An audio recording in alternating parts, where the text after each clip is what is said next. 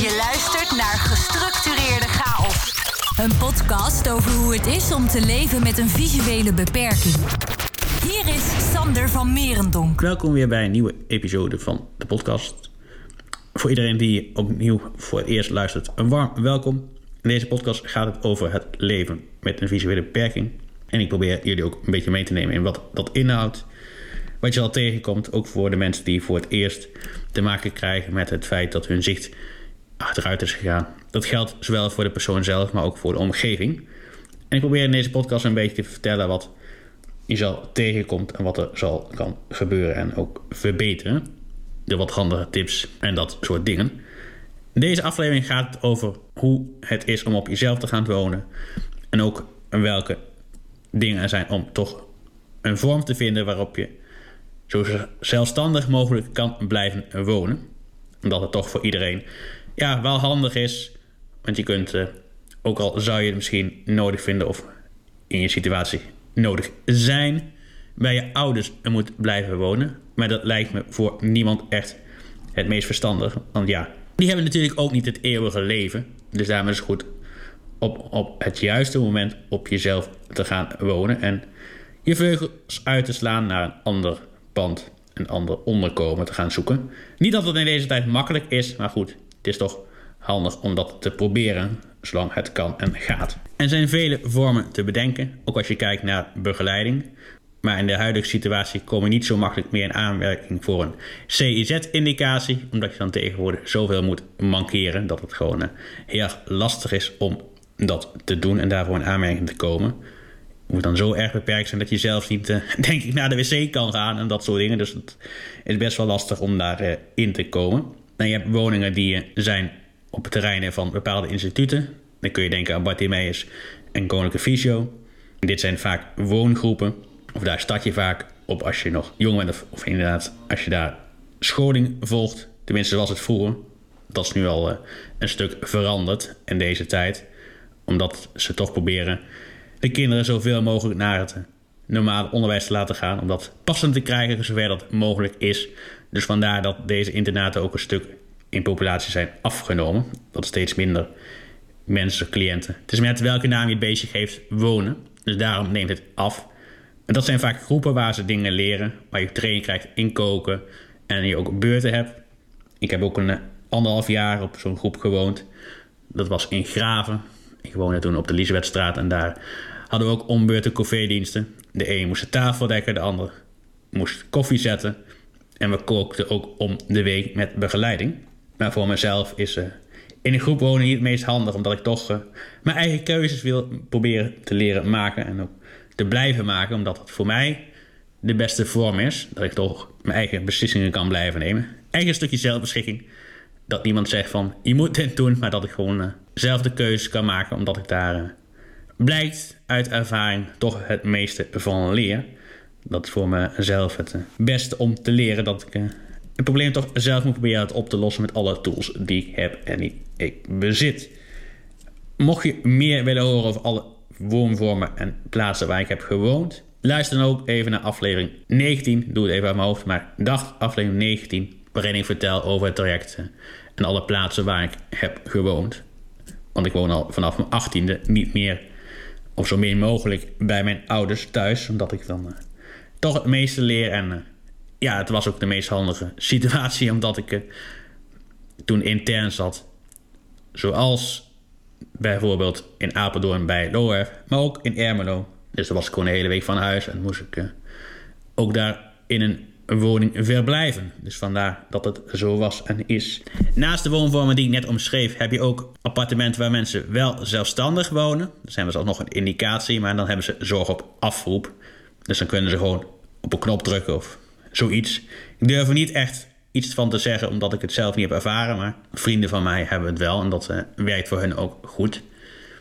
Ik zelf woon zelfstandig. Ik heb een eigen woning en krijg dan wat begeleiding op basis van een WMO-indicatie. Deze indicaties worden sinds 2015 afgegeven door de gemeentes. Dus dan heb je eerst een keukentafelgesprek en dan gaan ze bekijken van wat voor zorg heb je nodig en waarin kunnen ze je ondersteunen. Dit is heel breed. Op dit moment uh, komt de Robert Koppers Stichting langs, twee uur per week. En die doen vooral met mij mijn administratie en dat soort dingen. En daarnaast nog huishoudelijke hulp. Goed, gaan we even terug naar het beginpunt. Die waren we al wat verder. Van hoe kies je nou een woonplek en hoe richt je het voor jezelf het beste in? Zodat je ook optimaal gebruik kan maken van de tools die je hebt. En zo min mogelijk tegen je beperking aan loopt. Nou, ik ben toen gaan zoeken. Toen ik weer op mezelf wilde gaan wonen. Eerst wilde ik in Nijmegen gaan wonen. Maar ja, Nijmegen is zo lastig om daar binnen te komen. Dan moet je gewoon tien jaar staan ingeschreven. En eh, op dat moment, praat ik over acht jaar terug, was het nog niet het geval. Dus toen, eh, door een tip, toch maar een beetje in de buurt gaan zoeken. En gereageerd op woningen. Dat heb ik toen door ziende, mijn moeder in dat geval, laten doen. Omdat die toch vaak een beetje kunnen bekijken van... hoe ziet de woning eruit? Hoe ziet de omgeving eruit? Zodat je een goede keuze kan maken en een goede beslissing. Want uh, je moet er toch een tijd blijven bivakeren. Of in ieder geval een tijd mee doen. Dus ja, toen met geluk kwam ik hier terecht. In de woning waar ik nu zit. En dit is gewoon een hele fijne woning. Want de woning is midden in het centrum van een dorp. Alles is op loopafstand. De winkels, busstation, uitlaatstroken. Dus dat is allemaal wel heel handig. En daardoor word je wel af en toe een beetje lui of lui. Maar goed, het is wel zo praktisch handig dat alles op loopafstand is. Nou, als je begint heb je natuurlijk een leeg huis. Alles moet geschilderd worden eerst. En ook gekeken van hoe gaan we het inrichten. Nou, voor mij persoonlijk is het van belang dat alles redelijk ruim is opgezet. Dat ik in ieder geval niets kan omstoten. Of nou ja, zowel ik als mijn hond. Dat wil ik natuurlijk niet hebben, want dan krijg je schade. En ik moet zeggen dat het tot nu toe wel meevalt. Ik laat niet zo heel veel kapot vallen. Ik denk één of twee keer dat ik het heb uh, meegemaakt. Dus dat, dat valt wel mee. Het is gewoon een kwestie van opletten.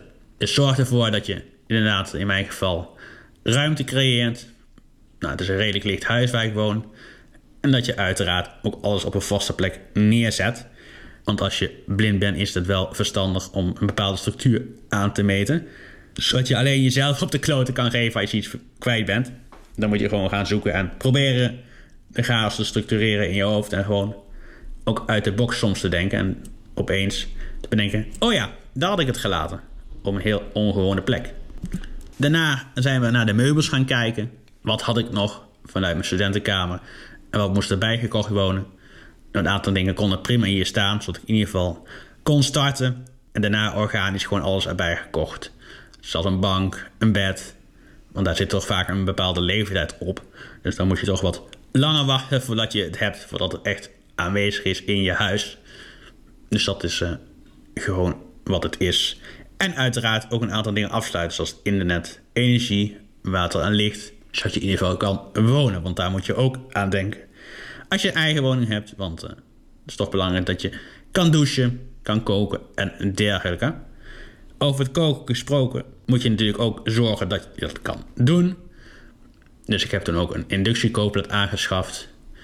Die ik uh, om bepaalde redenen nu wat minder gebruik. Ik kan wel koken, maar door energiebalans dingetjes toch uiteindelijk gekozen om dat zo min mogelijk te doen. Of nou ja, meer mogelijk op een andere manier. Op dit moment doe ik dat meestal eh, via een airfryer. Dus dat is ook een prima optie om eh, te koken en te zorgen dat je in ieder geval eh, voldoende eet. Want het is handig dat je af en toe ook een beetje voor jezelf zorgt. En daar ben ik niet altijd even sterk in. Maar goed, dat is wel handig dat je eet. En bij de aanschaf van dat soort apparatuur is het ook verstandig om te kijken dat je ze kan bedienen. Dat, dat of ze blijven stilstaan, of in ieder geval de knop bedoel ik dan, dat de knop met tikjes te bedienen is en dat de apparaten in ieder geval geen mooie touchscreens hebben of tiptoetsen, want dat zijn gewoon eh, knoppen die je niet goed kan voelen.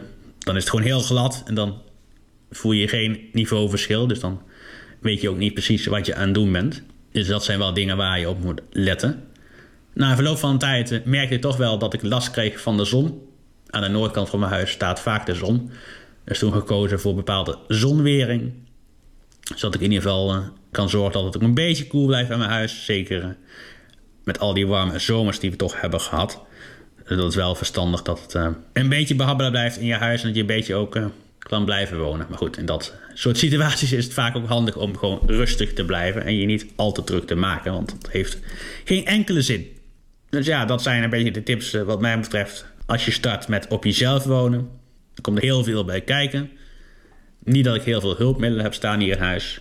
Nou, een paar. Ik heb zowel een sprekende keukenweegschaal als personenweegschaal. Dus ik spreek het gewoon uit. En sinds kort ook een sprekende thermostaat. Dus dan kan ik gewoon uh, zelf regelen hoe warm en koud het is in huis.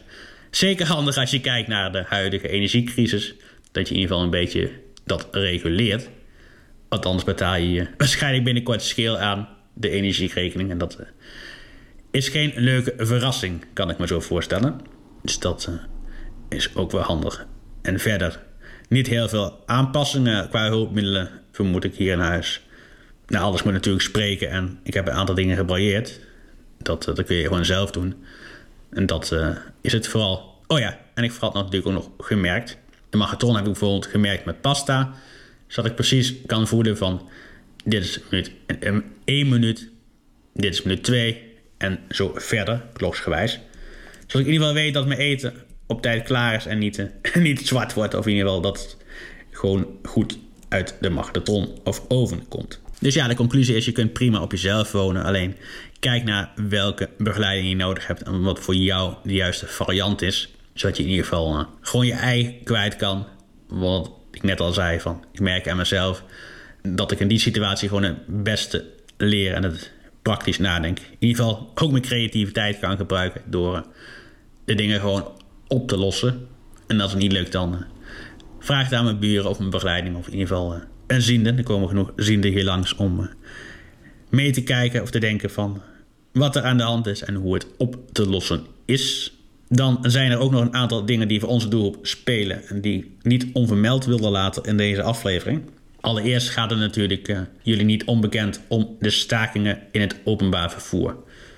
Voor mij is het best belangrijk gezien de zelfstandigheid dat ik zelf kan reizen. Hierover heb ik eerder een aflevering opgenomen, dus aflevering 41. Dus mocht je willen weten, luisteren hoe ik dit allemaal regel en doe. Luister vooral daarna zou ik zeggen. En het is dus inderdaad een belemmering dat ik gewoon gebruik moet maken van een taxi. Niet dat ik daar permanent tegen ben. Maar het is iets gereguleerder en je moet iets meer tijd inpassen. Want de taxi kan een kwartier voor de tijd en een kwartier na de tijd komen. Dus het is iets meer geregeld dan openbaar vervoer. Niet dat openbaar vervoer super spontaan kan, maar uh, het is toch iets vrijer dan met een taxi reizen, moet ik zeggen. Dus dat is uh, wel een verschilletje daarin. En de TOV staakt natuurlijk, dus kun je minder op pad. Nou moet ik zeggen dat ze gelukkig voor mij niet staken op dagen dat ik op pad moet. Of de komende tijd niet, maar goed. Feit blijft dat het uh, voor onze doelgroep, dus de mensen die te maken hebben met de visuele beperking, wel een belemmering is in hun zelfstandigheid. Dus ik zou zeggen, vervoerders zorgen ervoor dat er gewoon een snelle oplossing gaat komen voor dit soort problemen. Dat in ieder geval, ja, je vaak op pad kan. Maar wat hierbij ook niet helpt, is dat er uh, vooral in het oosten en noorden van het land een hoop bushaltes verdwijnen. Er zijn de afgelopen tijd best een hoop haltes verdwenen. Omdat ze toch uh, vaak zorgen dat een bus ja, naar een grote stad gaat, dus naar een treinstation. En niet meer uh, door een hele wijk cirkelt. Dus dan moet je vaak toch gebruik maken van een WMO-taxi. En uh, ja, wat ik net al zei, dat is niet altijd de meest handige oplossing om dat te doen. Dus de tijd zal dat leren, maar het is inderdaad wel handig dat er gewoon voldoende openbaar vervoer blijft bestaan voor onze doelgroep. Zodat ze zelfstandig mogelijk kunnen blijven. Iets anders wat ook belangrijk is voor onze zelfstandigheid is natuurlijk het digitale verkeer. Dat we daar gewoon zo goed mogelijk in mee kunnen doen. En dit is niet altijd even handig en goed om dat te doen. Er zijn een paar sites die ik afgelopen tijd tegenkwam waar ja, ik toch een hoop tijd aan heb moeten spenderen om uiteindelijk of het wel te kunnen doen of te beseffen dat het niet ging. Dan gaat het onder andere om de site van Valies. Nou, wat is Valies? Valies is een taxi voor verder dan 25 kilometers. Dus kun je bijvoorbeeld naar theater, naar Amsterdam, naar Utrecht en dat soort dingen. Daar moet je dan aan denken. En Valies heeft een website en daarop zou je je reis moeten kunnen boeken. Maar de menus zijn niet toegankelijk en de site is ook niet echt handig opgebouwd, moet ik zeggen. Dus met deze wil ik ook een oproep doen aan Valies van zorg ervoor dat de site wat toegankelijker wordt. Zodat we ook via de site kunnen boeken. Op dit moment kunnen we alleen telefonisch boeken. Niet dat dat een probleem is voor mezelf, maar het zou handig zijn als er meerdere wegen zijn die naar Rome leiden. Dat is altijd wel handiger. Dat je niet alleen van je telefoon afhankelijk bent. Want als er een keer een storing is, dan is het ook niet te doen. Of nog niet te doen, maar in ieder geval dan uh, heb je geen optie meer om je verliesrit te boeken. Nou, iets anders wat ook nadelig is aan verlies. is even een zijstap. Is dat het wel wat soepeler is geworden. Maar van maandag tot en met donderdag moet je zowel je heen als terugrit boeken voor 6 uur s avonds. En voor het weekend is het nog steeds twee dagen. Dus 48 uur van tevoren. Dus dat is ook niet echt handig in je zelfstandigheid. Want dan, nou ja, je moet gewoon goed, goed plannen. Net zoals dat je goed moet plannen in je huishouden en als je op jezelf woont. Want je bent toch een beetje op jezelf aangericht. En dat geldt ook in deze. Dus dat je een hoop moet structureren en bedenken dat in ieder geval je ritten op tijd boekt en niet te laat, want dan kun je geen gebruik meer maken van verlies. Een andere site, dus even terug weer naar de digitale toegankelijkheid, is een site van Uitgekookt. Deze werkt op zich prima met spraak, alleen kun je niet op de knop betalen drukken. Ik heb al geprobeerd met spraak een hoop trucs uit te voeren, maar dit lukte toch niet. Nu eens kijken of dat via hun app wel werkt. Dus we gaan het gewoon even proberen en kijken of het lukt. En anders misschien een instantie inschakelen die eens kan kijken of hun site wat aangepast kan gaan worden. Zodat we in ieder geval wel weer wat daarmee kunnen gaan doen. Dat is wel zo handig dat het wel uh, allemaal goed werkt en kan. Dat was uh, het nieuws van deze maand. Mocht je willen reageren op deze aflevering, dan kan dat natuurlijk altijd. En het beste kan dat via de website, denk ik, contactformulier. Dat is www.gestructureerde-chaos.nl. We hebben ook een Facebookpagina, dat is gewoon gestructureerde chaos. Daar kun je ook gewoon een bericht achterlaten. Je kunt ook een mail sturen naar info. De show is ook te volgen op alle bekende podcastplatforms. Ga op Apple Podcast naar gestructureerde chaos.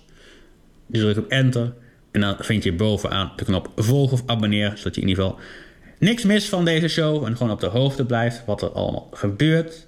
Dit geldt ook voor Spotify. En op beide platforms kun je ook een, een review achterlaten. Dit zou ik heel tof vinden, want dan kunnen we die ook behandelen in deze show afleveringen. Mogen deze show nou willen steunen door een financiële bijdrage, dan kan dat ook. Het is niet verplicht, maar ja, er zitten ook kosten verbonden aan het maken van dit toffe product. Dit kan sinds kort via www.fooienpot.com slash gestructureerde chaos. Vertel ook van het bestaan van deze show aan je opa, je oma, je moeder, je broer, je cavia. Iedereen die mij kan bedenken, zodat we nog groter kunnen groeien en nog meer bereik kunnen genereren. Bedankt voor het luisteren naar deze aflevering van Gestructureerde Chaos. Niets missen van deze podcast? Abonneer je dan nu via de diverse platforms.